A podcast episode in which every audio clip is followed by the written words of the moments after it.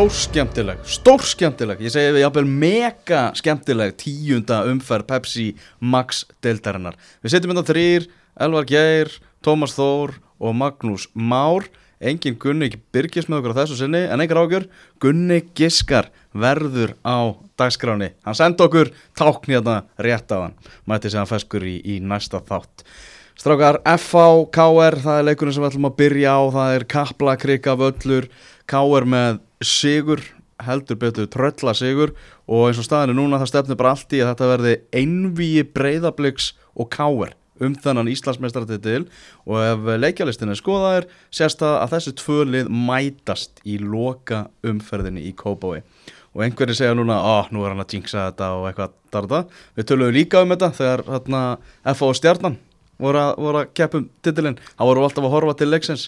Og hann að þetta er, gæti, gæti orðið eitthvað á Kópavóksvelli en bursið frá því, förum í þennan leik þar sem að káringar vinna og bara fyrri háleikurinn og hversu umurlegir F-fáingar voru í þessum fyrri háleik, það var bara hál sjokkarandi hversu lélegir þeir voru tóm Já, þeir voru alltaf alls ekki góður en aftur á móti má ekki taka af káringunum að þeir voru, voru virkilega góður og lokuðu alltaf bara á F-fáingana í flestu sem að þeir voru að gera og voru bara eiginlega með bara sko öll símanúmerið þeirra í, í rasvarsanum sko, það skipti engu máli hvað þeir gerðu og hérna bara virkilega flott framist að hjá, hjá káringunum og svona tóku svolítið bara svona setni hálíkin að einhverju leiti eh, frá valsleiknum. Sem sagt inn í þetta, kannski ekki þú veist, þú voru ekki með, með sama power en það voru ekki að, já, þurfti ekki að nota veist, sömu orku í sóknarleikina sem voru ekki að elda tvö mörg þannig en gerðu rosalega vel í öllu sem að þeir gerðu og svona við höfum séð þetta áður líka hvernig þeir svona loka á liðin þeir tóku skagan og, og pökkuðu þeim saman. Uh, skora náttúrulega þetta, þetta fína mark uh, bara leikilsendingarna frá, frá Óskar Erni og svo dundur skotfyrirgjöf hjá, hjá, hjá Tópi S og, og Alex, hérna, Alex Freyr skorar annar leikin í rauð þannig að hann svona líka tók svolítið framistöðuna frá val inn í, inn í þetta en það er alveg rétt að því sögðu að þegar F-fáingarnir fengu tækifæri á að gera já, eitthvað í þessu fyrirháleik þá var bara afskaplega lítið að þetta sérstaklega í, í sóknarleikinu hjá þeim eins og kannski veist, hefur verið, menna, veist, þeir eru búin að skora skora 15 mörg sem er náttúrulega kannski ekki á pari við K.R. og, og hvað þá bregðarbleik sem búin að skora mest í, í deildinni eh, svona leiðin kannski í kringu allir í þessum 15-16 15-16 mörgum mm. en, en sóknarleikurinn svona Óli Kristján sagði við tala um stöðu sport eftir leika þeir þurfa, alveg svo í fyrra þetta var sama umræðin í fyrra mm. þeir þurfa rosalega mörg fótballtafæri til að skora fótballtamörg ah. og það var alveg það sami på tenninum í dag mm. meirins að sko línumvörðurinn reynda að hjálpa þeim Já. eftir því sem að best gata þannig setniháleik klifti Brand Olsen inn sko holrángstæðum Dauðafæri sem Brandur vekk döðafæri sem Brandi fekk Það var hissa og flæki kom ekki upp held ég. Já, en, en, en ágæðis hugmynd á slúti á hann Neður þú veist bara vinstri fótur hérna hægri stöðing Þannig staðan orðin núleitt Alex Freyr Hilmásson, ég var að ræða það hann náttúrulega var ömurlegur í þessum fyrirháleika mútið val. Sem skoraði hann í, í setnaháleiknum skoraði hann aftur núna í kaplagreikanum uh, Káar leti verðskuldaði í háleik og bara hefðu átt að vera með fleiri mörki eftir fyrirháleikin svo kemur náttúrulega þetta svakalega tækifæri og sem betu fyrr fyrir Jóhann Gunnar aðstöðatómara þetta hefur verið svo reysa, reysa, reysa atvika ef þið Brandur Olsen skoraði þarna þannig að bara beitir bjargaði aðstofdómarunum rosalega þarna. Já, ég meina að Hafvördin bara breytt út vangi sína, þú þurftu nú ekki að hefja sér til flugs þarna, gerði það reynda síðan setna Þetta var ekki eina varslan hjá Betti Ekki eina varslan og enn og aftur er hann bara sko kongurinn í tegnum, hann svífur um grípur allt, þvílitt öryggi sem er að vera með svona markmann og loka mínutunum og ekki bara loka mínutunum, þú veist það voru helviti langur tími það sem að kveiktu á sér og fóru bara að spila dundurbolta eins og þeir eiga geta gert voru að fá, hvað var að segja tækifæri á færum, þú veist, náttúrulega kannski mm. dauðafærin eða einhverjum kannski skortum skamti, en það var alls konar hlutir að gerast þeim inn í tegnum og í viðtegin og mikil pressa og svona boltar inn í bóksið en alltaf, eða voru ekki káringan þess að sköllöði burtu, þá var bara Beitir Ólásson mættur til að hýrða þetta Hann er búin að gegja það ekki Já, bara ótrúlega góður og þessi saga eins og geggið, hérna vita líka við hann í þættinum í gerð, það var alltaf frábært. Mm. og svo einlægur og hann er svo gladur að vera þarna, finnst það svo gaman að þeim gæti bara ennþá verið upp á helliseiði og hanskarna verið búin að hilli í tvö ár Þetta var algjör tilvölin að hann sé bara standið þannig í markinu. Ég veit það. Þú veist, ef að Stefán lög ekki hennar handlisbröðna þá væri hann bara ennþá helliseiði Nei, sko, Stefán Lógi, Sindri Já. og bróðir Unnar Eggersdóttur þurftu allir að meiða. Já. þannig að það þurftu að ná í hann upp á helliseiði þar sem að hann var að laga pípur eða eitthvað í annars var hann bara ennþá það. Annars var hann bara, hann var hættur í fótbolta. Og ég var einmitt að koma heim úr bústað Mm. uh, í dag, kerði einmitt fórum á hérna, Selfoss, fórum í,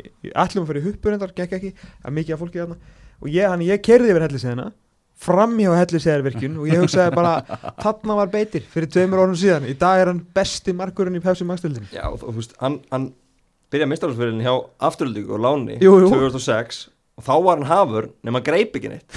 Það var svolítið þannig. Bara hann Ah. hafvörð með Já, það var svolítið þannig, hann var ekki, hann var ekki, við getum orðað þannig hann var, hann var ekkert sem bentilega þess að hann er því markmaður besta, í besta liði landsins í dag, ég held að, held að hann kvitt alveg undir það, því að svo árið senna spilar hann bara í þriðlunni E- í mig og, og veist, og svona leggur fótball hann til hliðar. Er, er afturölding bara besti segja- fyrir markverði að mæta og, og, sem á, sko. og taka út mistökin sín því að ég hérna, þú veist, náttúrulega Hannes spilaði hana og svo náttúrulega bróðu þinn Anton Ari Já, já. og maður sá hann alveg taka út sín mistök eins og ungi markmenn gera í, í það. Verður sér Íslandsmeistara markmaður.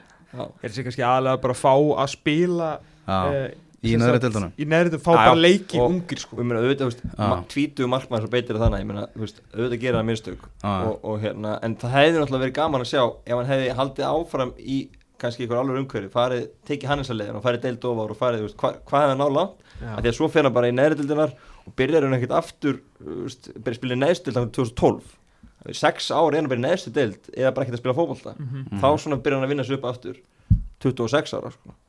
Þannig að þetta er, þetta er magnað og, og hérna, Sko, ég, Ótrúlega- ég ótrúlega skemmtileg listi saga. þessum leik sko ég, hérna, sem að þegar Káur vinnur í er í, er ekki vítaspilnu keppni Jú. byggarnum fyrir Jú. tveimur árum síðan það sem er Jakob Ekkertsson það sem að Jakob Eggesson, eða bróður unnar Já, Eggesson já. sem við kallum hann að hérna Hvað er hann í dag? ég ekki, ekki hugmynd og hvað er unnur, hún ætti að syngja það Já. Neinin, hún er alltaf að leika hérna, virka, á, gramminu og gengur vel henni Já, þú veist, hann meiðist þannig í þessu leik og eh, var hann sem meittist að koma inn á Hann kom hann kom inn á Hann fór í vítaketn og var hann fór í hetja. vítakefni já. Já. já, þú veist, og var hetjan þar og Mm. mm. var, þetta, er, þetta er alveg mögnusaga á bakvið bak beitið sko. Já, algjörlega, og hann náttúrulega var líka hreinskilið með það með þarna, eða sagði frá því sem var líka mjög áhugavert það var hreinskilið með það að hann haf- hafi verið slakur. Hann var ósáttu með sig á síðasta tímabili þegar hann var að fá gaggrinni sagði basically bara gaggrinnin var algjörlega réttmætt og sagði einmitt frá því að eina ástæðanum var svo að það var ómikið játmagn í, í blóðinu hjá hann já, og rofharður, Já, þannig að það var bókstálega, bara allt á stífur. Áhrif einbytting og þreytun það er ekki alveg að það er ekki gott fyrir fólkvöld ári og læti tappa á sig blóði því að hann er með allt of, allt of mikið og allt of hart blóð. Já, já, og hérna er bara að spila eins og algjör kongur sko, eins og náttúrulega fleiri í þessu liði. An, önnur amazing performance frá óvæntustu stjórnu þessari deildar og líklega óvæntustu bestu kaupunum Arþur Ingi Kristinsson. Já. önnur dundu framistæða frá honum á miðunni Se- setur bara og sópar og gefur öllum í hinum í liðinu tækifæri til að gera svona sitt thing, svona meira fyrir framann að hérna, og þetta er bara, þeir voru bara ótrúlega flottir sko, en Já. FH reyf sér aðeins enn í gang sko og svona hlutinni fór að gerast. En ég fór aðeins að tjekka á þessu með hérna svona kreatífu spilarna hjá FH Mm. Björn Danielsson F á liðinu. FH liði, nei þetta er FH Já. FH liði var mjög gott sko. FH liði vann einhverja átta Íslandsmyndara til að með Heimi Guðjónsson í farabróti sko. Já, já, já. þetta, þetta er FH sko. Ok. Eh, hver tveir bestu fótboltamennir í FH Maggi? Stífin Ok, þú veist, á miðunni Björn Daniel Já, Já, og Brandur Olsen er mér allan sagt. Já, með nýja hárið sitt. Með nýja árið sitt. Já, þú, þú veist nú ekki bara hver það var sko. Nei, við- Þú við- veist, strákur í öðru flokki bara. Herru, saman eru þessi menn sem að spila svona alla jafna tíuna oftast, Brandur þó oftar en hérna, Björn Daniel kannski svona aðeins aftar spurning hvort það megi bara vera enn framar á vellinum. Þeir eru samtals með eina stóðsendingu á þessu móti. Það er ekki gott. Nei, eina stóðsendingu Betur þeir eru F-áðingar núna 11 stugum frá Káar Já. 11 fótboltastum Það er bara, þú veist, hérna, sköpunargleðin í kringum þess að gæði, þetta er svo Björn Daniel og með þess að Kristi Steindorsson sem er fengið mikla, mikla gaggrínu og einhverju leiti mjög rétt með þetta, að þeir eru sko að þau kíkið á, hérna, farið um tölfræðina og það sem er svona hægt að skoða á, þessu einstæðkerfi er bara, hérna, eins og leikilsendingar í kringu þá bæði Kitty og hérna Björn Daniel og meiri sér að brandur eru ofta komið alls konar dundurflottar svona leikilsendingar í svæði þar sem að á, veist, sendingar sem er að skapa þá hættu sem að geta þá komið eins og Óskar Örn Hauksson það var svona leikilsendinga honum í kvöld Mhm. Árna Tóbjörns Thomsen rennur honum hérna fyrir marki á, á, á Alex sko. en það verður svo sjaldan eitthvað úr þessu og eina stóðsendingin hjá þessum tveimur tíum í liðinu er hérna segumarkið hjá Halldóri Orri, ég held að vera segumarkið þegar Björn Daniel þrættan hann í gegn og það er að hérna, uh, hvað Björn Daniel har múin skora eitt markið ekki? Já, og það er á Víti, saman leikum mútið Káa dunduleikur hjá honum. Já. og Brandur Olsen er með þrjú mörg eitt á mútið Háká, auðvitað þarf að á öllum leikjum og eitt Víti. Þannig að veist, þessir tveir menn eru kannski ekki alveg að delivera svona því sem að maður er búist við. Sko Björn Daniel Sverresson er ekki líklega ekki bara besti fótballtamaðurinn í FA, hann er líklega besti fótballtamaðurinn í Pepsi Max-deltinni en þú veist, tölfræðin og mínipilsið að það er rosalega lítið sem að kemur út á pappirnum frá Björn Daniel og hvort sem að það sé frammeirarnir og kantmeirarnir fyrir framannan sem er ekki nýta hans sköpun og hans náðargáði fyrir fótbolta eða hann ekki gera alveg vel, þú veist, veit það ekki en það er alltaf, er eitthvað sem að vantar virkilega upp á þarna fram á við hjá FH Mhm. En mér standur að karatinn hjá þeim, annar leikur í röðu líka með stjórnunni, lendaði tölundir en koma á blúsandi ferð tilbaka, Mhm. jafna mútið stjórnunni og ég meina hefði ekkert jafnaði hún er að gera þetta mútið Káa, unnu Nákvæmlega, hefði ekkert jafnaði kvöld, þannig að það sér ykkur þá, það er hjartað hana það Þa- er karakter og sál. Já. og það er eitthvað sem að FH geta, geta hérna, nýtt sér í framhaldin Óli Kristjáns að fá talsverða gaggrinni á, á samfélagsmiðlum meðal hans frá stuðningsmönnum FH, ég hafði talað um ofmetin þjálfar og eitthvað, það er allavega langt síðan að Óli Kristjáns hefur átt gott tímabil. Já, hann átti hérna náttúrulega þennan sérst, relegation uh, hvað, veist uh, fall hluta dönsku úrvarsleildarinnar hann með Rannes fyrir Mm. hvað tveimur árum síðan eða svo.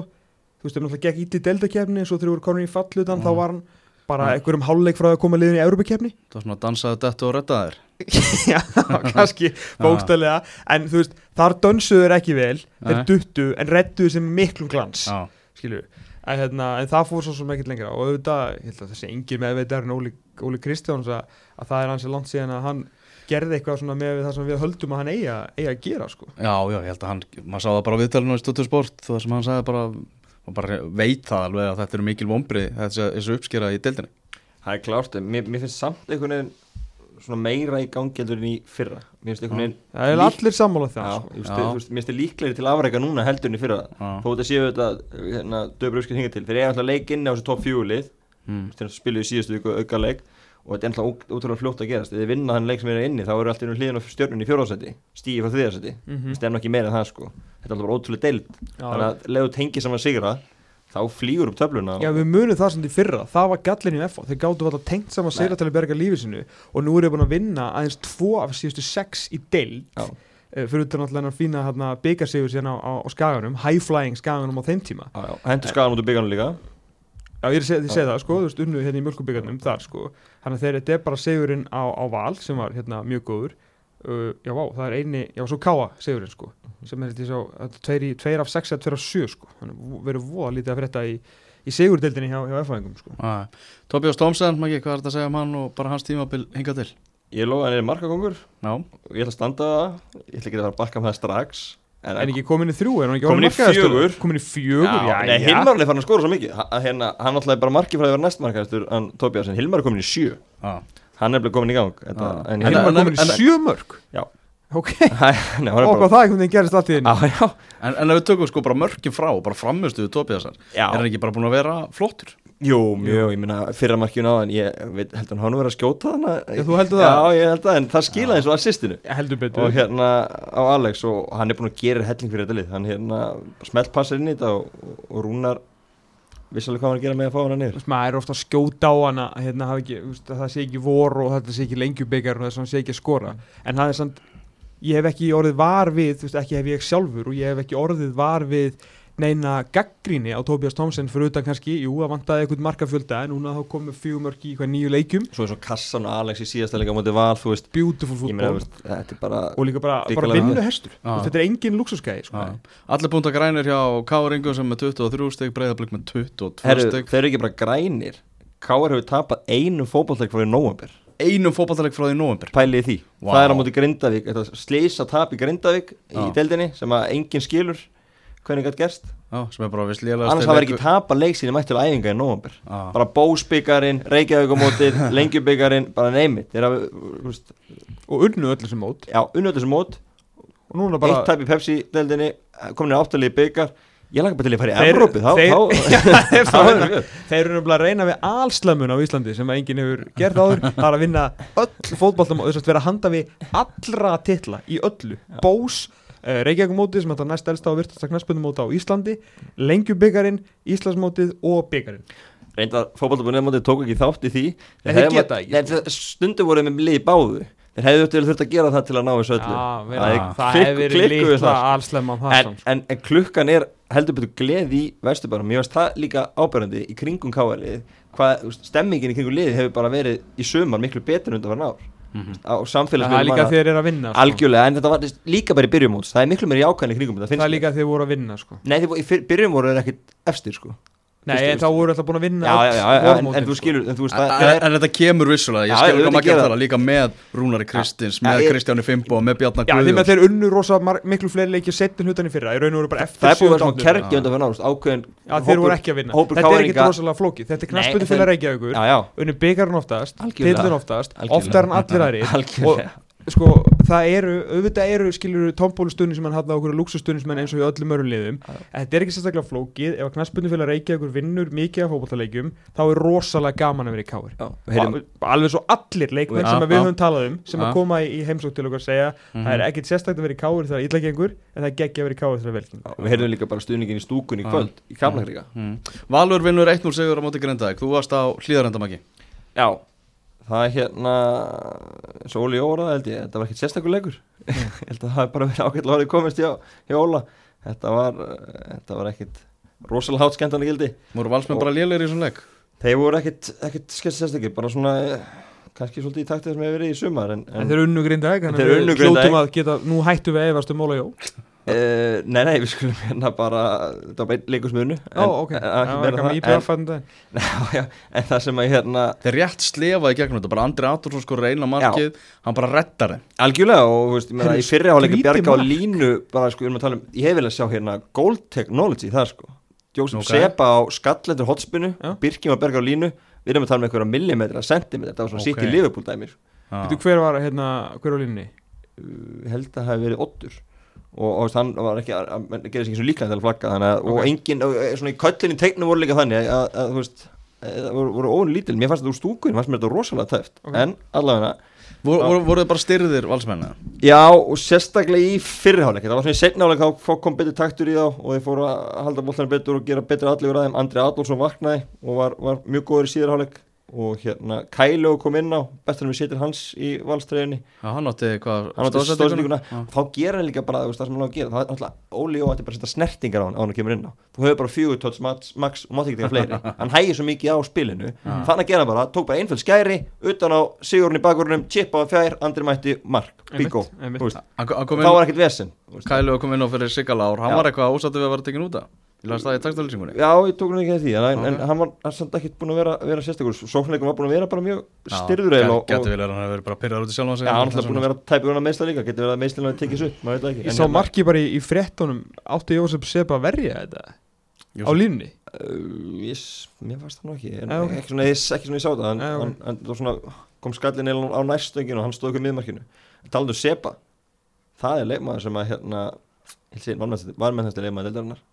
Það að líka biti sem Túfa náði þar, hann er geggjaður. Já, ok. Hann, hann og Tamburini þannig að vinstra með þeir hérna í vörninni hjá Grindavík eru hrikalega öflýr Grindavík er búin að fá á sig fæst mörg í deildi mm Mér fannst það áhuga, er ótrúlegt. Mér fannst áhugavert þarna í viðtalinu við Túfa eftir leikin þegar hann segir, er að tala um hérna, byrja hann út í gluggan Mhm. og hann segir bara já, við verðum eiginlega að fá einn leikmann og segir bara mínir strákar eiga það skilið að fá smá hjálp veist, það er það ótrúlega lítil breytt í liðinu Já, já. að bara leikmennir sem eru fyrir núna eiga það bara skilið að fá smá andrými sko, og meina- fá smá stuðning sko. Og það er svo mikil pressa á hverjum og einum leikmann í liðinu sko. hann byrjaði með fimm á í kvöld sem Já. er, og þar af einn hérna, ungur strákur Sigur Bjartur Hallsson sem held að vörlega var að byrja sem fyrsta leik í deildinni hann var að skapa usla og eigður á hann guld fyrir brota á hann þeir vildi fá raukt þar, vildi meina að vera sloppin í gegn. Mér fannst það nú ekki vera þannig, ég fannst það vera að hlaupa aðeins til frá markinu. En hann var að valda usla. Kom flottur inn í þetta. Svo voru Marin og Axel, Sigurjón Gunnar Þorsteins og Alexander og svo kom Dagur Ingi inn á. Grindingar með þrjúðsmanna bæjarfélag. Að byrja með fimm heimaminn á og sjötti kemur inn á það er hrikalega vel gert hjá þeim verða rosalega þunnan hóp. Reyni Jóhansin er á bekknum í dag. Hann var ekkert að fara að koma inn, hann var bara meittur Mhm. þú veist, Túfa kom inn á í, í smástund Patrik Ngói var hvergi sálu, ég veit ekki hvað hann er. Þannig að þeir verða og sérstaklega sóknulega að fá menn. Þeir eru búin að skora sjömörk í nýju leikjum. En ég, já, ég ver- verða hlýtur að vera gaman fyrir Grindvíkinga að sjá fimm heimamenn. Sérstaklega tekur uh, með því að kynnslóðin kringum mig, kringum þrítugt þeir voru margir, það voru Óskar Péturs Óli Baldur, uh, Bójir uh, Jósef Kristi sem er í stjörninu núna Mm. Vilmundur Jónasson, svona Jónasa Formas og fleiri, þeir eru allir hættir eða farin í önnu fél, Marko og svona Janko Mm. þetta er bara heilt lið sem fór þarna og eru hættir eða farin í önnu félög og nú eru komað ný kynnslóð grindaðið og þetta eru spennandi strákar eins og þessi hérna, Sigur sem spi- spilaði í dag og Sigurinn í vörninu og fleiri Mhm. Ég meina, eru þeir ekki ennþá þalið sem hefur fengið fæst mörg á sig? eða? Jú. var að segja. ní, nýju mörg á sig sem er alltaf alveg magna og Já. þetta er, Sepa er frábærn hliðan Já. markmanga ásland og þetta er ótrúlega þétt og það er erfitt að brjóta á baka aftur en sóknanlega þá er ekki nóg mikið að frétta Það Þeir er eru með undir mark í leik sko. Og, og það er engin að sko, það er engin Aron Jó með kannski 2-3 mörg annars er bara engin líklegur eiginlega Mm. En Gói er ekkert búin að gera Túfa er búin að vera frá núna og það, það vantar, ég held að hljóta að fá sér eitt og menn fram á þau núna í, í glukkan Birnusnar Ingarsson var ekki í leikmannahópi vals í, í kvöldbynni bolti. Hann hefur ekki verið að fara með heiminskautum sem hann gekk í, gekk í ræði valsmanna. Var í stúkunni, í grænn úrpu í grænni úlpu í stúkunni þannig að nú er verið að tala um það að hann geti jafnvel verið að föra frá valsmannum hvað sem það er á láni eða hvort þau bara losa sig við hann, ég veit það ekki. Getur ekki spurt Óla bara því uh, Arnardæði spurði Ólaði sögursaknir um það að hann fari í IPVF sögursaknir um að geti jafnvel farið í Káer sem ég sé nú kannski ekki alveg gerast. Uh, Óli var ekki alveg, það var svona loðin í svörum við Arnardæði og var reyla bara svona frekar kaldur við hann. Mm -hmm. og það er smá bíf milli þeirra að tvekja uh, það er alveg ljóst að Arnardæði er ekki uppáhalds spirill Óla Jó og það hefur alveg sérst alveg sérstaklega vel í, í, í sumar, hann er ekkit áþjáður í að svara spurningum Arnardæði Nei og, og hérna hann neitaði að byrja sér að fara og mér þætti líka skrítið ef að byrja er að fara í ljósið þess að þeir eru að fyrir Európu ah. og það er að koma meira leikja ála og ég, veist, það þarf ekki nema ein, tvö meðsli og þá var hann bara farin að fá mínútur. Þannig að veist, þetta er, þetta er ekkit meira á milli en það. Þeir eru þannig að hann og Sindri Björnsson fyrir þann hóp í dag. Mm og ég, ég var eitthvað með að sjá að sé að fara að sleppa Í hvernig úlbúi var Sindri? sá Sindri ekki í stúkunni. Ah. en hann lítur að vera á svæðinu við, við rétt, Já. hversu kátur? Kannski með Serrano. Já, sér algjörlega Hefur eitthvað meira um þannig leik að segja? Nei, ég held ekki, bara hérna Óli, veist, Kalli, fekk eitt færi tamburinn í Bergaði með góru tælingu og úst, ég að gaman á hann í þessu fremsta hlutarki þetta er svona úst, skemmtilegt að sjá hann hvernig hann leysir þetta og hérna en, en hann hefur verið líklir í síðustu leikjum með heldurinn í kvöld Mm En kemur Patrik Pedersen 2.0 1. júli eða? Ekki, ekki hér neitt, það hefur eitthvað ekkert komið ennþá, það er hvað mánuður, í, nei, vika í, í glukkin áni Mm. -hmm. Breiðablik vinnur IPVF 3-1 í gær. Við förum bara yfir þetta svona hvernig leikurinn þróaðist. Þá skorar IPVF fyrsta markuleiksins á sjöttu mínútu. Það er hann Telmo sem að skoraði er bara geggjumörk í Peps- Pepsi Max deildinni í, í allt sumar. Telmo er svona, já, hæfileikaríku leikmaður sem eigamenn hafa Já, binda mikla vonu við og hafa verið svona að býða eftir að skila einhverju. Og þarna kom loksins mark frá honum, það var hvorki komið mark eða stóðsending frá honum. En þarna, þarna kom þetta. Uh, uh, breyðablik jafna sann á 40.50 minútu þetta var ódýrt mark fyrir eigamenn að fá á sig, Haldur Páll að, að gefa þarna út úr markinu og gefa bara beint í, í flasi, fasið á, á, á blikum.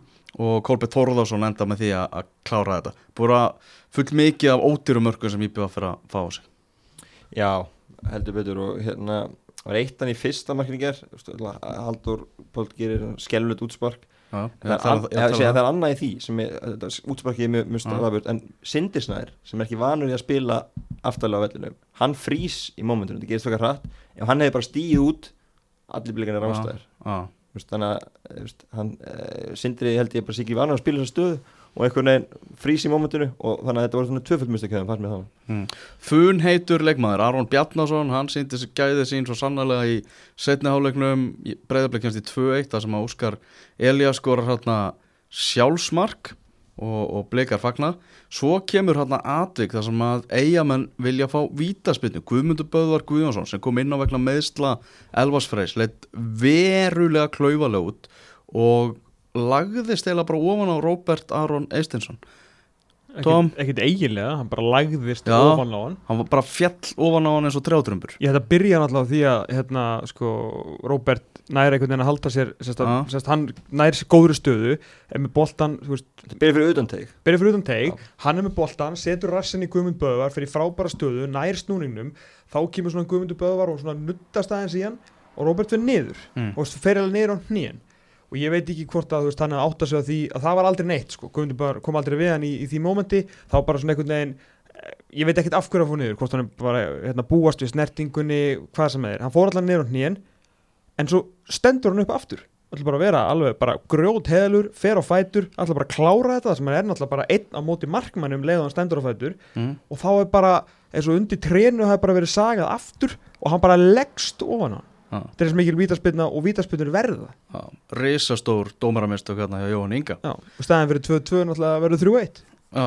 gefum okkur það ég, ég menn hafði nýtt þetta, þetta viti. Tómas Mikkelsen skor sem strax í kjölfarið og aftur er það Aron Bjarnason sem er bara, hann fer með himmelskautin. Það er heitast til Heldur leikmaður deildarinnar núna. Já, Já, bara frábært að hann sé orðin svona stöður og hann er orðin bara hann er orðin bara showtime, hann var bara gjörsamlega að taka þú í gegn hann, eigamenni geri eins og hún er að gera við ég meiri segja betri lið og betri leikmenn heldur en IBF kloppar hana í þriða hann markinu fer og leggur hana utavert, hann fer inn á við hann skorar, hann leggur upp, hann með endalínu hlaupir sín, veist, það er allur pakkin þetta er bara sirkus hjá Arjón Bjarnarsinni og það er bara geggja að fylgjast með hann mm Jonathan Hendricks maki hann kvatti í þessum leik. Þetta er, var síðasti leikur hans, hann er farin að fá, fá penga í, í lommen og, og allt það.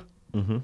Og hann eh, hérna, skilaði fínu starfi en, en ég held að hann tala um sem að sjálfu bara. Hann hefði verið senast tveim þar leiki bara orðinn þreyttur og Já. hefði bara viljað vilja koma þessi burtu. Þá er langbæstur blikana að hérna, verða þessar óskans. Leiða hann að fara og, og finna eitthvað nýjan í staðin og hérna menn er alltaf verið að velta fyrir sko að Þóraðin Ingi var eitthvað séns. Það sé búið núna. Hann var því miður að slíta, slíta korsband virðist vera sem Já. er skelluleg tíðindi mm -hmm. lendi ill í, Garabænum í, í kvöld þannig að ekki verða það en það er spurning hvort að blikarnir fara leita eitthvað annað að manni. Mm. Ég, þetta, er, þetta er alveg stóra ákvörðun sem þeir þurfa að taka því að þeir eru búinir að vera hérna, að taka ákvarðanir svona, og taka inn leikmenn með það að svona, leiðaljósi að vinna þessa deild. Uh, meðal hans þú veist, að fá Arnarsvein Gesson og þú veist, að vera að spila honum vinstara meginn frekar en þú veist, ungum uppöldum í, í Davíð Ingvarsinni setja hann hægra með vantar núna. Ég segi það og þú veist, hvað gera þeir? Allar að fara í, einhvern, í deildinni þú veist, reyndari atvinnumann allar að fara í bara pjúra atvinnumann ná einhvern erlendan í þessa stöðu þú veist, að því að þeir geta sett Davíð Ingvarsson þannig inn og bara láti hann fá þessa stöðu alveg svo Davíð hann fekk hann spilaði tíma. í, í gæði Rúban spilaði þrjáleiki sumar. Hörkugóður, Mhm. mikið efni og getur og verður vafa lítið söluvara fyrir þá. Uh, þú veist þeir geta alveg unnið mótið með Davíð Ingvarssoni en ef þeir fá kannski einhvern, einhvern reyndari einhvern betri, einhvern, bara einhvern 25, 6, 7, 8, 9 ára gæja Mm þú veist, þá eru kannski líkurnar í einhverju prósentu hlutfalli meiri að þeir verði Íslandsmeistarar. Þannig að þú veist, þetta er bara ákvörðin sem að þeir þurfa að taka núna. Er þetta staðan sem við vilja styrkja sig í glukkanum Mhm. því að heiðarlegasti þjálfarinn í bransanum Pústi Gúst, að sjálfsög sagði bara það kemur leikmæri í glukkanum Já. hafa engar ágjörð því. Já, og hann, hann hefur alltaf talað um það, hann vill fá leikmenn í einhverjum einasta klukka bara til að stuða hans hópin og fá menn upp á tætnar ég það og taka þátt í partí hjálpi þeim þá, Hva, Ah. hvað er á hann að spila? að hann vil ég bara mæta og taka þátt í lokasprettunum með, með blikum. Drátt fyrir hann sé að spila hvern einasta leiki í Svíþjóð. Og hvor fer þá út, Gauði eða Kolbeinn? það er bara, ég veit það ekki. Þetta er leigubíl að segja þetta er Nei, ég segja, en allavega er ljóst að þá er hvað með ký ekki að fara að fá sekundu í, í þessu liði. Heldur um Gísli myndi fara að kantin í þessu dæmi? Gæti alveg gert það. Eitthvað svona þrjálsu eitthvað ah. Meina option. En Það, en en það- það er náttúrulega, þeir eru náttúrulega meira svona undir framverðunum heldur en einhverjum svaka kantmenn. Allavega kannski, þú veist, munum kannski á Arona ég veit það ekki, svo er þetta spurning. er mjög hávert við erum að tala um mánundagi fyrsta júli eftir rúma viku. Þá er leikur á móti KR þá er gluggið mann að opna. Verða að mættu mann strax þá. Ú, það er spurning maður. Gluggið opna fyrsta júli mm. Já, er bara, eru, hvað er margir, það er slatta leikjum á fyrsta júli já, þessi hálfum fyrir þá. Ah, gluggir er með opna fyrsta júli og, og með- kemur kárin. En, en ég, ég, held, held, ég held að þeir með fá vantilega að spila fyrsta júli Já, já. en það er eins og, eins og fyrir eigamenn þeir eru sviknir, þeir eru að leika á sunnudeginu Úf, Gary Martin var ekki að spila þar. Það er stórt. Ó, umfyrir splittast þegar sunnudagurinn er- Akkurat í miðjum gluggam Já. Þannig að ef að Gísli Eyjálsson kemur þá er þetta orðið Kolbeinn Þórásson sem er nummer 1 Guðjón Pétur og hver kom inn núna Alessandur Helgi Mm. Viktor Karl Einarsson og Andri Rabi Jaman Mhm. Þeir eru 5, þannig að með 6 leikmenn í tvær stöður Ok, Já. það er fínt sko Það er okkur, það er nóg að En svo er það, geta breyttu kerfi Já, Arnarsson vinstri, Viktor farið í hægri bakur og farið í fjórum á gæti verið einhver sko Já, ég menn Fjórir til þrír. Og meðslið ekki í hérna miðvarastöð núna. Já, Elva Freyr fór alltaf að meitra að velli. Er Þarna, uh, talandi um Gary Martin svona með að hvernig staðan er núna hjá eigamennum þeir eru fimm stigum frá örugu sæti. Mm uh, bara Gary Martin hann þarf að mæta til vestmanna eins og bara Jésús Kristur þegar hann mæti til Nazaret sko, ef að IBF á að halda sér í, í þessari dild Já, og, og jafnvel rúmlega það sko. Uh, því að hann má allan ekki vera eins og Jésús Kristur og leiðin upp golfgötu uh, það er nú tölvert verða sko en uh, er að fá Sindarsen líka inn fyrirlega sem hjálpa til en það sp- spurning hvort það sé eitthvað meira síðan. Hvað gera þeir, hvað gera þeir í glugganum?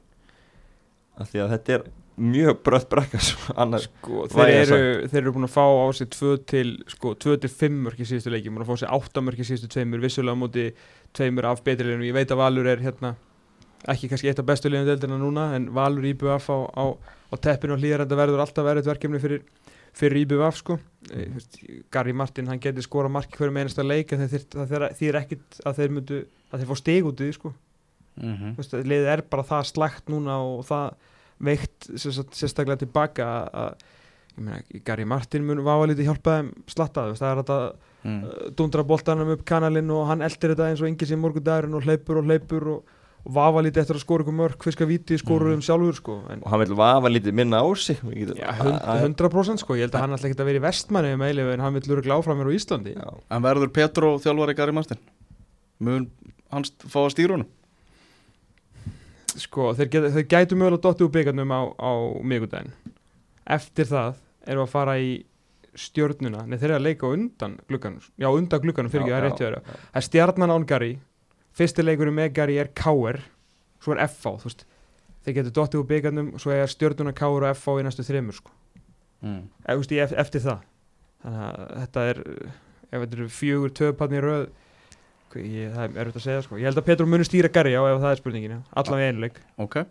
Uh, Förum upp á Skagan, þar sem að Ía mætti HK svo geti bara jafnbara þess og líka hrósa ég fyrir að vera með sex uppalda í Veistu, við erum talað líka til bæjarfjölu og spila uppöldum Mhm. Stu hrósa í grindaði gáðan, svo ég fá ekki væl úr eigum allir að segja það sama, Já, það er sex uppaldir í Já, þeir eru alltaf að byrja á því að gera þetta ekki. En ef þú, ef þú vinnur ekki fótboltaleiki þá er erfitt að rósa þér fyrir að vera með rosa marga uppalda uh, Förum upp á Skagan Ía 0 HK 2 og fyrst erum að rósa, byrjum bara á HK flottir í, í þessum leik. Og þrátt fyrir að vera, hafa verið í miklu brasi og, og, og í vesenni þá verðist vera eins og sjálfströftir sé bara í fínu lagi. Og, og leikmenn hafi alveg trú á því að, að þeir geti komið sér upp úr þessum ekki Já, heldur betur og hérna gríðarlega sterkur og mikilvæg sigur hjá þeim á, á gær. Þeir hérna því að þeir hefði ekki náðu sér í gær þá hefði þetta verið sama á íbjáð þeir hefði verið komin rosalega langt frá pakkanum. Og þetta var bara ríkjarlega vel gert drauma staði fyrir að komast yfir sem á móti skaganum. Og þá getur þeir lagst tilbaka og spila sér þetta varnarleik. Og, verðin helt hjá þeim í, gær og löndu þessum stigum Mhm. bara með stæl. Bjarni Gunnarsson skorur á tíundu mínútu. Hann er náttúrulega verið að glíma við einhver meðslega á tímabilinu svona nýkomin aftur úr, þeim. Uh, svo kemur 0-2 þá er bara Valger nokkur Valgersson það er krakki að skora Maggi, hver er Valger Valgersson? en þetta er uppaðalinn hákaðingur fættur árið 2002 Sá fyrsti og þeim orgun getur að skora í eftir deild Já, og líkilmaður í, í 17. landsli Íslands Já, sem, honum- er, DSJ já, sem fór í lokakemna í, í vor ah. og hann hefur komið sög í öllum leikjum háká í sumar nema hann var úti með 17 þannig að hann er búin að vera viðlóðandi þetta en hefur, hefur ekki verið að byrja mikið fekk að byrja í bakverðum daginn en, en hann er meiri kantmaður og fekk að byrja þar í gær byrja á vinstri kantinum og, og skora þetta laglega mark. Var þetta kerðunir í jörðin að lega að skora? Hann gæti ekki fagna sinni fyrsta marki Nei, hann lá bara eftir. Já, lætið eftir markið. Hérna, ríkalega mikið læti og, og ég hérna, þetta voru óttalega töskur eitthvað. Menn að reyna að vera með eitthvað Já, en þú veist- eitthvað í bakgók hann Já, en, en þú veist, þetta var svona eiginlega mikið óþæri fyrst mér sko.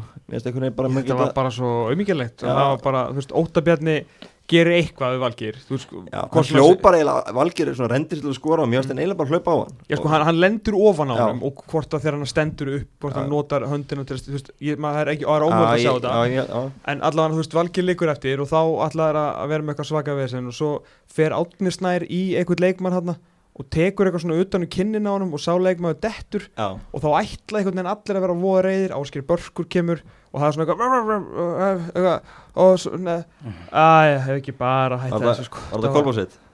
þetta var svolítið kolfarsveit sko. Það var, sem er bara fínt, það er já. óþála menns í ykkur slagsmálum sko Áskar Börku var velgýrað fyrir þennan leikmaður ég eins og þú segir bara hágjáðinni voru bara flottir og í síðustu leikjum að þú veist það er alltaf alltaf að tala um að menn eigi eitthvað meira skilið en svo skiptir einhver málið og vinnur ekki leikin eða fær ekki neitt úr þeim en þú veist fylgis segurinn alltaf bara seglu segur fylgis tapið segur hjá fylgi þar segla þar Helgi Valur með óvænt mörg áttu meira skilið úr, úr vikingsleiknum uh, hérna, en fengu ekki þar heldur en eins og segir voru góðir þarna og voru bara algjörlega að lesa hérna skamenna eins og hinlegin í deildin eru búin að gera eins og Lefi Garðarsson bentinu á í hérna Það er eins og það hafi bara verið gefið út bara fjölrit á öll fjölun Svona spilum við á móti í og nú eru bara allir farin að bara nota það. kviknaði pera fyrir ofan alla þjálfarinn Já. í deildinni bara já. Og þú veist síðan þá hefur bara skæin ekki, ekki átt breyknána sko. En það var líka bara svona litlu hlutinir eins og, eins og í öðru markinu. Það er hérna, ég manni hvað hákaðingur er sem hann bara gjössalega hyrðir boltan af Arnarum og Guðjónsson það kemur bara svona pjúra 50-50 barátt inn á, á miðunni Mm. og ef það er eitthvað sem að skæin gerði vel á þessu rönnu sínu þar sem við voru að vinna öll bestu leiðindeldinni þá að þeir töpuð því ekki. Þú veist, þá var bara við erum íþróttabandala Akarnes, þetta er það sem við stöndum fyrir við töpum ekki boltanum ykkur svona náum. Þau eru meiri sér fannir að gera það sko. Fyrir utan að bara, það er búið að lesa leikið þeirra, uh, þú veist, varnarleikurinn ekki af góður, meina, Lars Markus bara bakkar af bjarna hana gefur hann skoti, geðveikt mark sko. Hann er ekkert að búast við að setja með vinstri bara í, í, hérna, í skeitin uh, ógæslega verið klárað, en einhvern veginn allt sem að skæin var að gera vel framan af, eru þeir bara að gera virkilega illa núna og hágangunir bara lásuð á, börðust meira og, og tóku færi sín, þessi tvö frábælega sko. Já, það virka mjög pyrraðar einhvern veginn svona bara leikmennir og, og allt í kringum skagamenn. Þeir eru orðin svolítið mikil fórnarlömb eins og Leifur Garðarsson bent á í útastættinum að það er eins og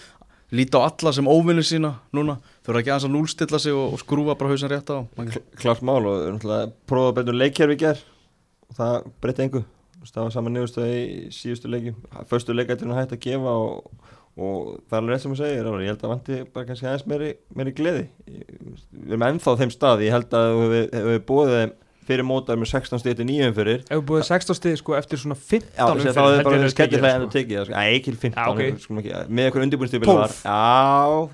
Já, 11 11. 11 Þannig að Þeir eru þeir- nýlega Já, eru, eru bara í fínu málum sem slíkir. Þess vegna þurfa þeir að finna bara held ég aftur aðeins gleðina og, og hérna segir, núlstilla sig og þeir munu þá mun- þá munir það aftur í gang. En, en ef þeir ætla að halda áfram að vera pyrraðir og, og láta þetta fara í taugan á sig Mér finnst þeir ennþá með óeðlilegt magsti ekki óeðlilegt með við, getur bara óeðlilegt með við nýlega sko. Og 16 stig eftir nýju umferði sko. og þessi 16 stig fengur í fyrstu, hvað, 5, 6 umferðunum? Mhm. Og búin að spila á móti öllum þessum stærstu liðu í fyrirumfyrinni, þeir eru viking og fylki eftir í fyrirumfyrinni En það eru konið fjórir tapleikir í röð og það á móti liðum sem að ættu að vera með þeim í neðri hlutanum. það sem líka svona kannski ein vombriðin eru að hérna, þú veist, er ekki, ekki að fara að lasta hérna Jóhannes Kjell Guðjónsson fyrir það sem hann hefur gert hinga til bæði með háká og síðan skaliðið en eins og sáum þessa aðferð sem þeir eru búin að beita rosalega bara virk bara skilvirkur fótbolti byggist bara veist á löngum Já. góðum sendingum, hraða, krafti og klára færi sinn og verja síðan vel först leikættri Mm. síðan bara eins og Leifur var að benda á í útverfinu í gær bara allir bara fengur bæklingin eru bara búin að klára þetta, þú veist bara að lesa þetta og þá fór maður að hugsa svo, þeir eru búin að tapa hún á þreymur leikjum í röð, Mm. eru að fara í háká sem að þú veist, með að við bara stegaföldan þráttu þetta séu nýlegaðnir í deildinni e, þeir eru að vera miklu betri en þeir sko Mm. ef við horfum bara á stígin og hver liðin er í töflinni þá maður svona að horfa, ok Jói Kalli, show me show me something sko Mm. en þá mæti bara Brynja Björn og, og Viktor Bergi og gera bara sama og hinni þjálfur þegar maður að gera og loka á þá alveg að mikið sko. Mhm. þannig að hvað hverju ætla skæin að breyta núna þegar þeir geta ekki einu sinni segir en gæðsalapa hvorki unnið nýja skorað á móti háká hver, hverju ætla að breyta veist, skiptum kerfið það dugur ekki skor ekki sinni mark þannig að ég, svona, maður, ég hef smá ég veit ekki hvað maður að segja, hefur maður áhyggjur er þetta að hafa áhyggjur á skjáðanum, hefur maður aldrei falla bara út af þessu byrjun, Nei, það er ekki svona að ræða og þeir eru bara líklega ofgóður í það. En það kannski er þetta þú veist, að hafa annað plan þegar að þetta er ekki að ganga Er þeir ennþá að gera sér vonur um Evrópu? þeir voru komin þangað um daginn klálega en þú veist, hvað, ég veit ekki hvað er satt á hvað er, hvað er tal, taliði núna Nei. á skaganum, hvað eru þeir núna vinna byrjun núna, byrja þar og, vinna svo út af því. En ég er að fara að vinna þetta meðmáli mér og Elvari með Viktor Jónsson og Guðmund Magnússon á svona wow. tveimur mörgum gegn engu eða Hva, eitthvað. Hvað er Ge- 2-0 núna? Getur ekki bara gleymt því. Heyrðu, hérna Einhver ómerkilegast að framherja marka bara átt að sögunar Heyrðu, við ætlum að vinta Æru, Og Þorður Þorsteinn Þorðarsson Þetta, þessi tvö gulu spjöld á innan við mínútu. Já, í alvörinni sko. Þú ert ekki búin að, vera, búin að vera út úr liðinu Já. sko, Eitt besti leikmaðurinn á undirbúinstímpul Mhm. var algjörlega frábær Missi síðan einhvern veginn sætið sitt Fær ekki einu svona spila þegar vantaði hæri vangbakur Þú veist það eru allir og engin notaður undanum Svo fær hann sen sem núna og býður upp á svona bull Já, mm. þetta er að segja, vantar kannski aðeins að núlsta þessi og Já. ná gleðinni en eitt, eitt punktur og lokumennuleik Háká, þeir hafa ríkilega gott tak á skaganum því að, innan gæðslapa því þeir að spila nú þrjáleiki síðan Jói Kalli fór yfir. Já. og ég er ekki að skora mark. Já, ok. Báðuleikinni fyrir að fór 0-0 Kunna í loka. Inka- Inkasso Já. alltaf víti Fengu á tvö víti. Tvö víti, Já, og í Arna bæði var í bæði. Þannig að þeir eru ekki aðbúin að skora mark síðan að hérna, Jói Kalli skipti yfir. Já, ok, áhugavert. En þú talar um að skagamenn þurfa að finna gleðina. Stjórnumenn, þeir fundu gleðina í dag Þegar Þeir, þeir, fundu kippu að gleði. Alveg rosalega mikla gleði. Þeir þeir, fundu eiginlega gleði á krana. Það sem að aðeins betur. Þetta var samt ekki eindóm gleði Því að Þóra hann ekki Valdamarsson fór hérna í sjúkrabíl af vellinum Lítur illa út með hann. Rúna Páll talaði um crossbandi uh, Svo komast þeir í 1-0 stjórnumeðan þar sem að Sölvi Snær skorar uh, Jöfnunumarki kemur uh, með sjálfsmarki og staðan 1-1 í háleik fylgismenn fóru bara svona nokkuð sáttir inn í háleikin en síðan áttu stjórnumenn setni háleik algjörlega með húð og hári og skoruðu fjögur mörg Ævar Ingi, Alex Þór Haugsson með geggjamark, algjör þrjusu bomba frá honum og svo kom Hilmar Átni með tvö smekla mörg hérna og valin maður leiksins, maga lending hjá fylgismönnum ég var á þessu leikaða móti, móti blikonum sem eru unnu þar sem að blikar gátt ekki neitt en blikar skoruðu þrjú mörg í þeim leik þrátt fyrir hvað þeir gáttu lítið. Og svo kemur þetta núna fimm mörg á sig sko. Já, við verðum að bjallur algjörlega. Og, En hérna, bera hljómsað stjórnum líka. Við vorumst að segja að hann himmi allt í hennu komið með sjömörk mm -hmm. Skora tvö á mútið að fá, tvö í dag Spila á miðjunni. Hann er ekki lengur út á veng Vá, Já. vá, hver auðvist þetta þessu? Ég er að segja, það er emblæðið svolítið og, og leggur upp líka marki á æfaringa, tvöðmarki í dag Valur maður leiksins og svona, já Ég er bara, þannig að hæ- hérna, hann er heldur betur að Ef hann verður sig. valinn, ef hann verður valinn sko, leikmaður umferðar en eitthvað svona sko, þá var eins gott að þessi maður skuttla með þessari Pepsi Max rútu sko. Það með hann út að borða Nei, ég er nú ekki, þú veist svo en það er nú ekki hann sjálfur sem setur sig þarna samt sko. Nei, ég hef sett það hana já, ok Það var, það var grínið, já, skilur já.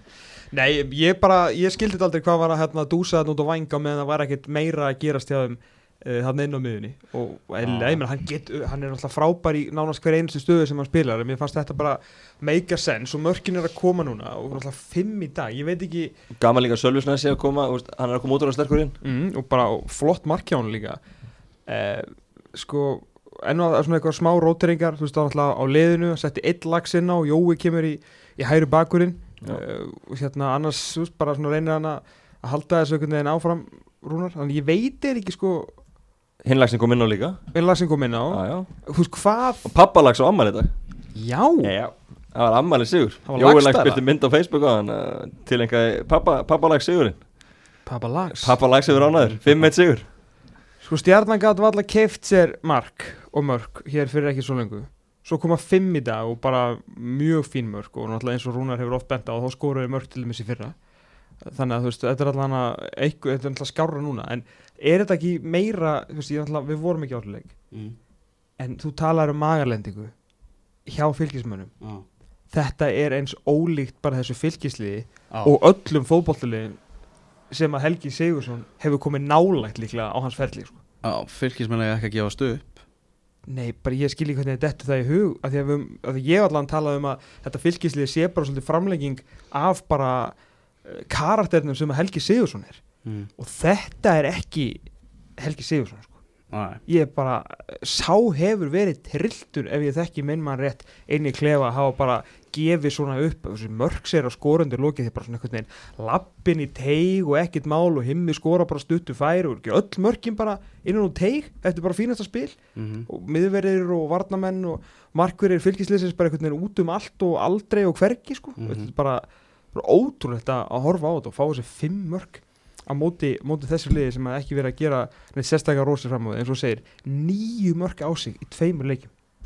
Það er mjög vond það er mjög vond og bara svona alls ekki þegar nú eru síðan að fara hérna aftur í, aftur í fylgismenn í, í byggarnum sko, að þið voru komnir á ágætis ról, náðu þessu jafntöflegaðna við FH unnu svona blikaleg og voru að leiðin inn í ansið töff prógram sko, þú veist það er breyðablik segir unnu, síðan stjarnar breyðablik aftur í byggar, káa og ía mm. og síðan þú veist útilegur um úti væk segja að vikingur fer eitthvað að hífa þessu upp sko, það er þú er erfiði dagar hjá, hjá fylgismönnum og við, við, vorum með að tala um það einhver téri í útvarpinu um daginn að þetta verið svona já við Ólafinga í, í útvarpinu að næstur fengjur svona fjóra-fimm leiki virkilega bara til að sína sjálfum sér að nummer 1, 2 og 3 Mm. og stuðnismönnum fylgis og bara árbæðingum hvar þetta lið stendur byrjuðu frábælega með geggjum 4-3 sérum til blíkunum algjört hrun í þessum leik en þú veist, upp og áfram, blikar í byggarnum og svo káa heima, skilur, þetta er ekki, þetta er ekki búið en þetta var vond Já, þeir þurfa að gera bara sama og blikarnir gerðu það Gústi sagði eftir tapum út af fylki þar sem hann sagði bara, við ætlum bara að líta á þetta, þennan leik sem slis, Já. bara að líta á það sem við gerðum vel í hinum leikunum Já. en Eh, vel gert á stöðninni og, og Halli Björns vil fá menn með þessi styrtu Já, bara að bjóða okkur inn í stöðtuglega með sér. Maggi, þú tekur það á þig. Nei, Gunni Gískar, í Já, er já svæðinu. náttúrulega fór hann, hann, Já, Hann er það núna, hann er vegna hann er í sturtu með Halla Þess Björns vegna núna. er ekki hann núna. Alla skýri fjárveru hans í þetta í dag. Nei, ég er þetta ánægði með Halla að svara bara fyrir sig. Já, já. Léttur og, og hérna eins og var ekki fyrir að hitti fyrir sem var fór að koma í vittur, var ekki hitti fyrir Allt í hún mætti hann óvæntur í, í já. Tæli aldrei við mig og, og, Jú, var ekki í víkinni hitti fyrir og, og hérna, hann er ágætt Þegar að gefa viðtalið snýrist meir um það að það var aldrei að tala við hann núna þegar Þannig að Hann- gera mistök. þegar hann gerir mistök. Já, Hann er nákvæmlega. alltaf að gefa honum, gefa honum orðið og, og hann svara fyrir sig það er ekki, ekki spurning. Já. Förum þá norður á Akureyri þar sem að Káa mætti Víking Reykjavík í rússi bana fótbollaleik þrjú fjögur endu leikar þar sem að Víkingar komust þrisva sinnum yfir í, í leiknum. Guðmundur Andri Tryggvason opnaði sinn marka reikning fyrir Víkinga með frábæru marki. Það var nóg af flottu mörgum í, í þessum leik uh, Varnir begja liða, Tómas ekki, ekki til útflutnings? Nei, það verður, verður seint sagt sko. Ég er svona Þetta var, þetta var mjög gaman samt sko. Já, Já, það þetta var svona ha. Já, þetta var mjög gaman sko. Já. Þarna vikingsliðið Þetta er rosalega skemmtilegt fótbolltalið Það vantar ekki Þessir ungu strákar þarna, að að gaman að horfa á þetta lið spila. Sóknarleikurinn bara með skemmtanagildi alveg velhátt Virkilega hátt, voru góður í þessu leik uh, Sérstaklega, eða voru góður fram á við. Já, eins og uh. Sko, þegar tala um, sko, ungu strákanir Já, Þeir voru góður já. Af því að vikingsliði væri bara fyrst svona fjóri reynd, fjóri reynd í dag. Mm. Og gömlu kallanir voru aftast. Mm. Þórður Ingarsson í markinu, 88 Átta. Svo er ekki Rottisson 84, Davíð Nallarsson 94 Halldór Smári 92 og Dóri Snorarsson 90 mótil 90 mótil, eða mitt Mm. síðan fyrir fram á það var Díti sem Já. er eitthvað 90 eitthvað, 5 eða eitthvað og svo var þetta bara fjóra manna miðurlínan, bara 98 2000, 98 og 99 Mm. og svo náttúrulega nýkvátan fram og þessir fjórir hana, Krakka miðjan krakka miðjan Er það kvolbársviti? það er já. sko, hérna, ég veit ekki hvað heita þeir stuppur og stúfur og, og hérna leinihundur og hvað segir heita hann allir í kolparsveitinni Mjög duglegir. Mjög duglegir eins og heyrið þá í mörg börn og mikið, hort mikið á það. Að, hérna, þeir voru algjörlega frábæri í dag eiginlega allir sem einn, Ellingur Ragnarsson er bara stimpla sinn sem einna betri sóknar tengilegum í þessu deild. Já. Það er bara þannig, Ok. hann var virkilega flottur í dag og þessi svona, því miður sem var bara óvart hjá, hjá Brandi en hann fór ítla með, með Elling. Uh, Guðmundur Andrið með sin besta leik, marki sem hann skoraði í dag var Sublime. Mm. diagonal boltinn í tegin, bara kloppar eitthvað gæja og setur hann í skeitin Það var, það var tekið nýju finnis það var tekið nýju finnis með vinstri. leftarnum og öllu sko, þetta var Það hrikalega, hrikalega flott. Og það var bara margt í gangi, voru öflugir uh, bara góðir, sérst bara sóknuleikurinn var flottur, þú veist, bara á nokkra svona snarpa sendingar, góð múf, komið sér í færi líka fyrir utan mörkin síðan voru líka bara miklu viljuri og betri að koma tilbaka að vinna boltan tilbaka og hjálpa vörninni þegar þess þurfti Mhm. en svo náttúrulega líka því að Arnar Gullarsson sko, hann er ekki þessi þjálfari sem er bara ég elska að vinna 1-0 það elska ég hann vil helst vinna svona 15-14 Já. það var eiginlega uppáhaldstalan hans Mhm. að því að hvað gerir hann? er að mættur með Július Magnússon okkar mann Mm. í leikbanni. Já. eftir að hann þurfti að taka á sig hann að setna gula eftir ykkur held yfir ykkur klúður hjá allarhafni í síðasta leikum mútið háka. Mm. tekur á sig guld og raukt til að klára leikin þar. Uh, hvað hann getur gert? Sett hérna hann getur sett Dovra við hliðin á honum. Hann hefði geta sett Viktor Örleg veist við hliðin á Díti nei nei, lætu Díti bara vera einan hann með Ágúst Eðvald Linsson 2000 mótil sem spilar ekki vörð til að berga lífi sínu og Erling Agnarsson 98 mótil sem spilar helst ekki vörð til að berga lífi sínu fyrir framann þá. Mm. skilur mættur á Akurravöld sem ánum að vera þokkarið dvíi með svona sterka miðju og svona mikla baráttu. Og ég hugsaði bara, wow, hvað vingur er að fara að fá þessi mörg mörg í þessu leik, þú veist, það var bara alltaf einhvern veginn að fara að gerast, en það var kannski ekki út af uppstillingunni eða bara, þú veist, fótboltanum sem var spilað og meira bara enn og aftur endalusta einstaklingsmistökum uh, í vörninni og bara slakur varnarleikur, en mætir þarna bara með einn varnasinnaði miðjumann og svo bara sækja, en gerðu vel uh, kerðin í svæðin þar sem að K.A. er eitthvað veikasti fyrir að hérna sem sagt bara fyrir fram að miðverðina. Það myndast Mm. ótrúlega mikið pláss á milli miðjum og varnar hjá þeim. Annar markið, bara skýrt dæmi um það Elli fæ boltan, allt pláss í heiminum. Uh, heyrið mínu manni á hann og þá hefði mér þess að Hallgrífur Mar öskrað á Óla Stefán á hliðalinni, bara þeir eru alltaf komnir í svæðin hérna hjá okkur, hvað eigum við að gera Ah. Veist, þetta var, þú veist, þeir voru búið til það mikið af vandamálum með bara svona spilamennskunni og uppleikjunni hjá Arnar í þessu leik uh, þeir verðskulda eða sérst uppskera með þessu og svona djörfung og hugrekki og vilja til að spila skemmtilega og góðan fótbolta fjögumörk en síðan er náttúrulega ekki í lagi það sem er í gangi enn tilbaka sko. Nei, þannig að káamenn, þeir voru ekki alveg sátti við, við dómarinn í þessu leik uh, Fjórðamarki á Vikingi komast í fjögur tvö úr vítaspinnu sem að Ágúst Adolf Linsson skoraði úr mm. uh, Hvað viltu segja um þann dóm? ég skil dómar að vel að hafa dæmta Ah. það er, með, þetta er svona mikill endursýningadómur Mm. að þetta er mjög klauvalegt ég, er ekki, ég held að þessi Bjarni þess. sem, að, sem að brýtur á Guðmundi Andra Ah. Guðmundi Andra er svona stekku fyrir framannan í Bjar- mómenti Bjarni með þessu í leiðinni og þetta Já, var- sem að, sem að svona nok nokkurn veginn uh, garanterar að það hafi verið snerting Já. og að því að Guðmundur Andri eru undan í boltan þá er heldur sér mjög erfitt fyrir dómarinn að gera nokkuð annað heldur en að dæma viti en svona eftir endursýningu hefði örgulega mátt sleppa þessu.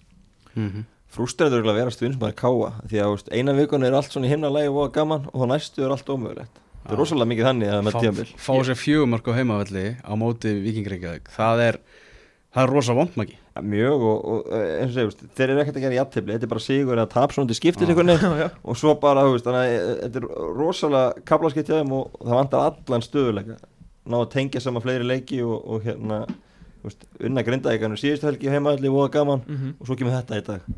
Ég meina, þú veist, Óli Stefán bara fyrirsögnin á, hérna, á .net er bara, þetta er allt saman reisastór skóli. Já. þeir eru bara í, í vegferð og í dag mörgum áfengum Þetta er mörg, þetta eru margar einingar í bóði uh, hérna það, voru bara sókna, þess að svona í uppleggi í dag. Voru bara nokkuð skólaðir, þú veist það verður bara að segja þessu. Bara sóknarlega voru vingandi bara virkilega flottir kerðir réttu svæðin, skoruðu tvö flott mörg, ná síðan í mörgum fyrstum leikadriðum, en ég meina það þýr ekkit að, þú veist, Káa hefði léttilega getað skora eitt marki viðbóti í þessu leik, sko. Og náði, náði stig og þá væri umræðin kannski aðeins önnur. Áskil Sigursson er að koma bara beint í startið. Hvernig veröldin er þetta að vera svona fljótur að svona, ná sér, þetta er rosalegt sko. ekki bara fljótur að ná sér, líka Bara fljótur að laup já, já, líka, en, en mér finnst bara magnaði hvað hann er fljótur að komast í gang. Já, og það er ekki eins og hann hafi verið meittur Það er að magna. nei, hann er bara Þetta er mættur. alg, því líka gæi sko. já, já, Mhm. mættur.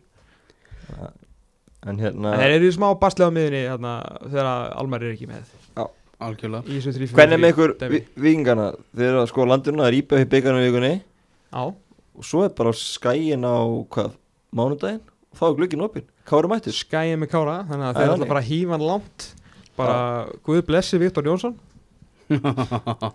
Kári gegn Viktor Jónssoni Já, það verður alveg reymi Herðu, Gunni Giskarmaki, þú ert með þetta hana Herðu, hann, já, ég hann se- að senda okkur flett- flettu sem- já, okkar maður er að flytja. Já, þannig að hann er vant við látin í dag. Og í styrtum Hallabjörns og stundum alveg mikið að gera Já, mann í dag. Þannig að við þurfum að taka þetta fyrir hann. Eru hvernig gekk síðast hjá honum?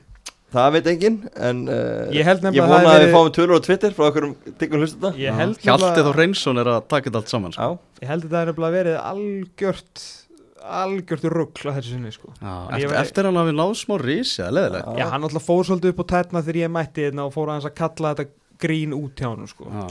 En nú er þetta komið aftur í Og- sem er bara fínt. Þú veist, ég held að hann hefði verið að bera ískapið sem þegar hann setti tölurinn á það hann hefði ekki mikil einbytting hann fekk náttúrulega átta leiki síðast. Það var helviti Já. veljulagt en núna eru bara sex aðeins næsta helgi það er sunnudagur og, og mánudagur.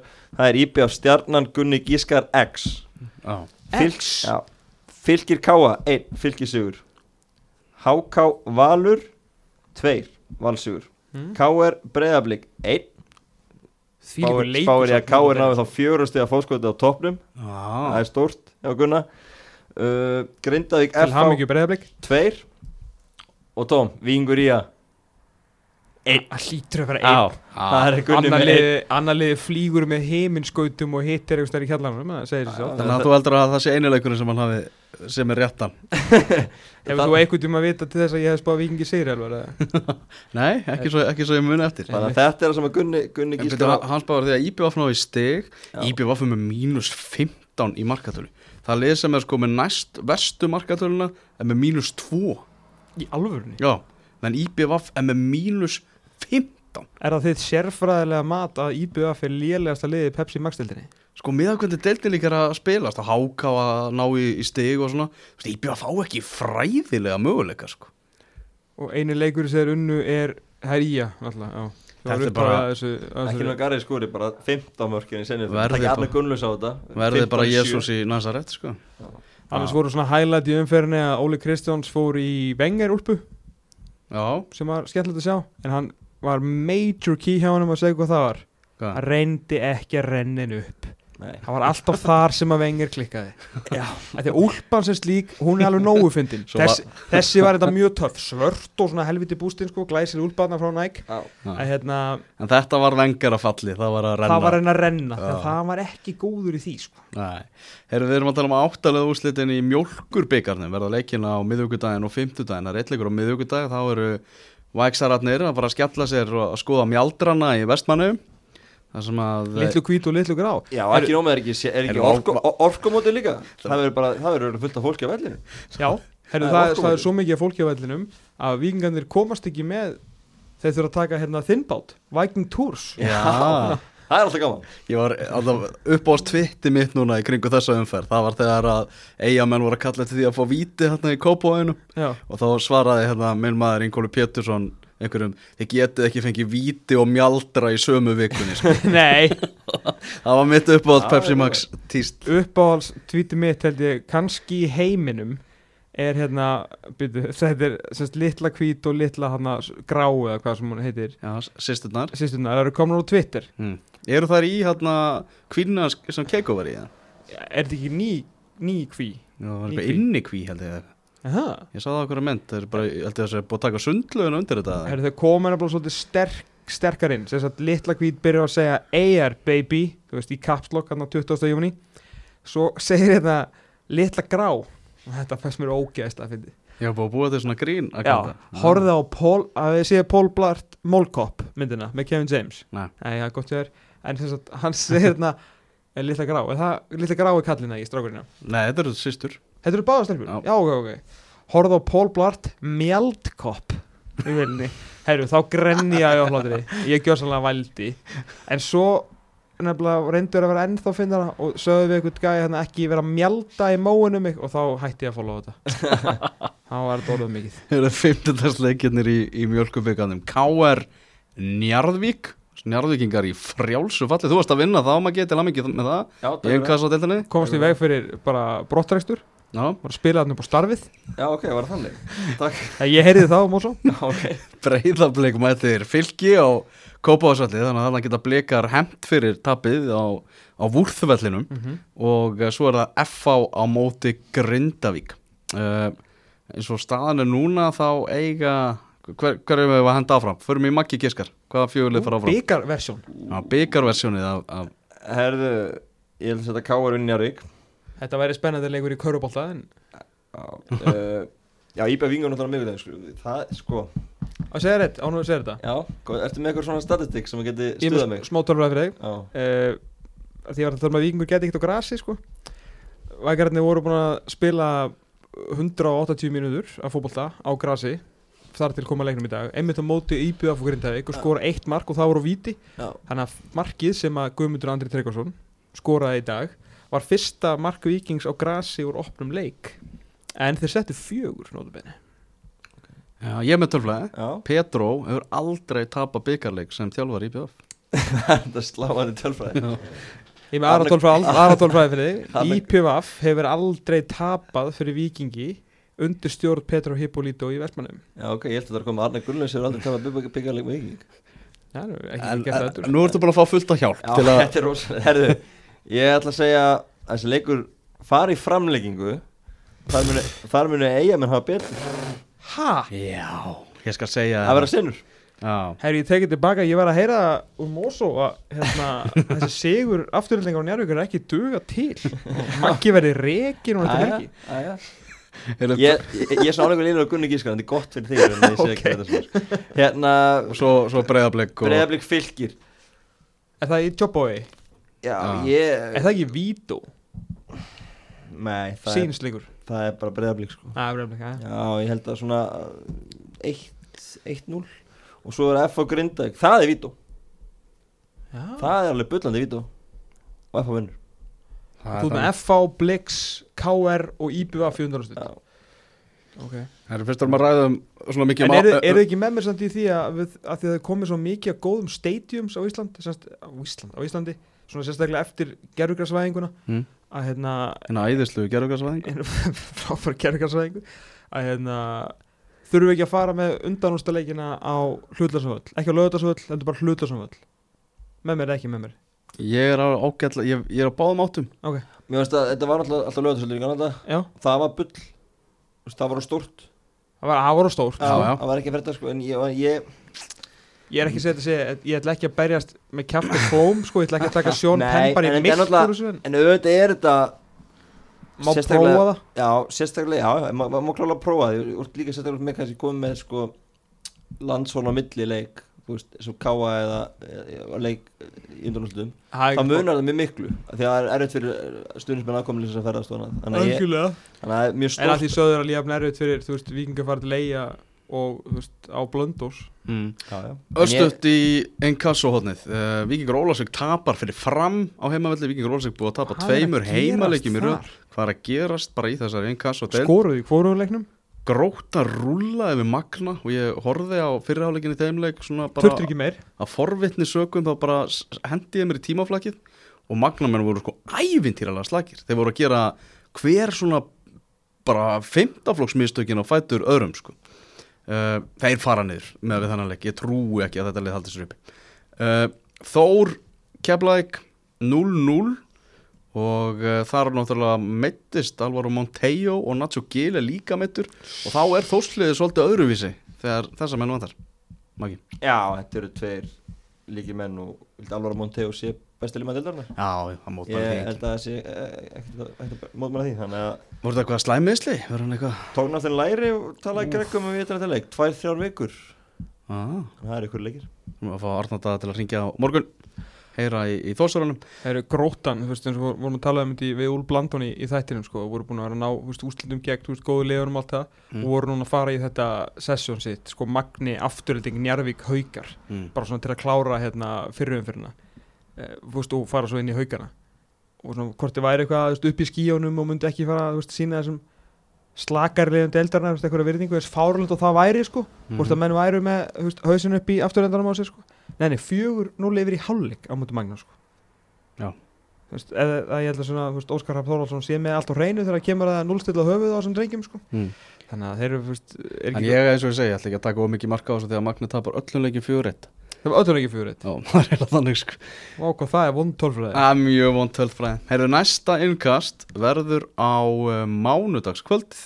Þanga til mándaskvöldið eftir viku eða? Já, ekki, ekki annað kvöld. Við vorum að auka þátt á. Já, ok. Það er núna bara innkast upp á dag En við segjum bara takk fyrir að hlusta. Gunni Giskar mætir í eigin personu og, og lofaði því að vera ekstra hress eftir rúma viku. Þanga til, bye bye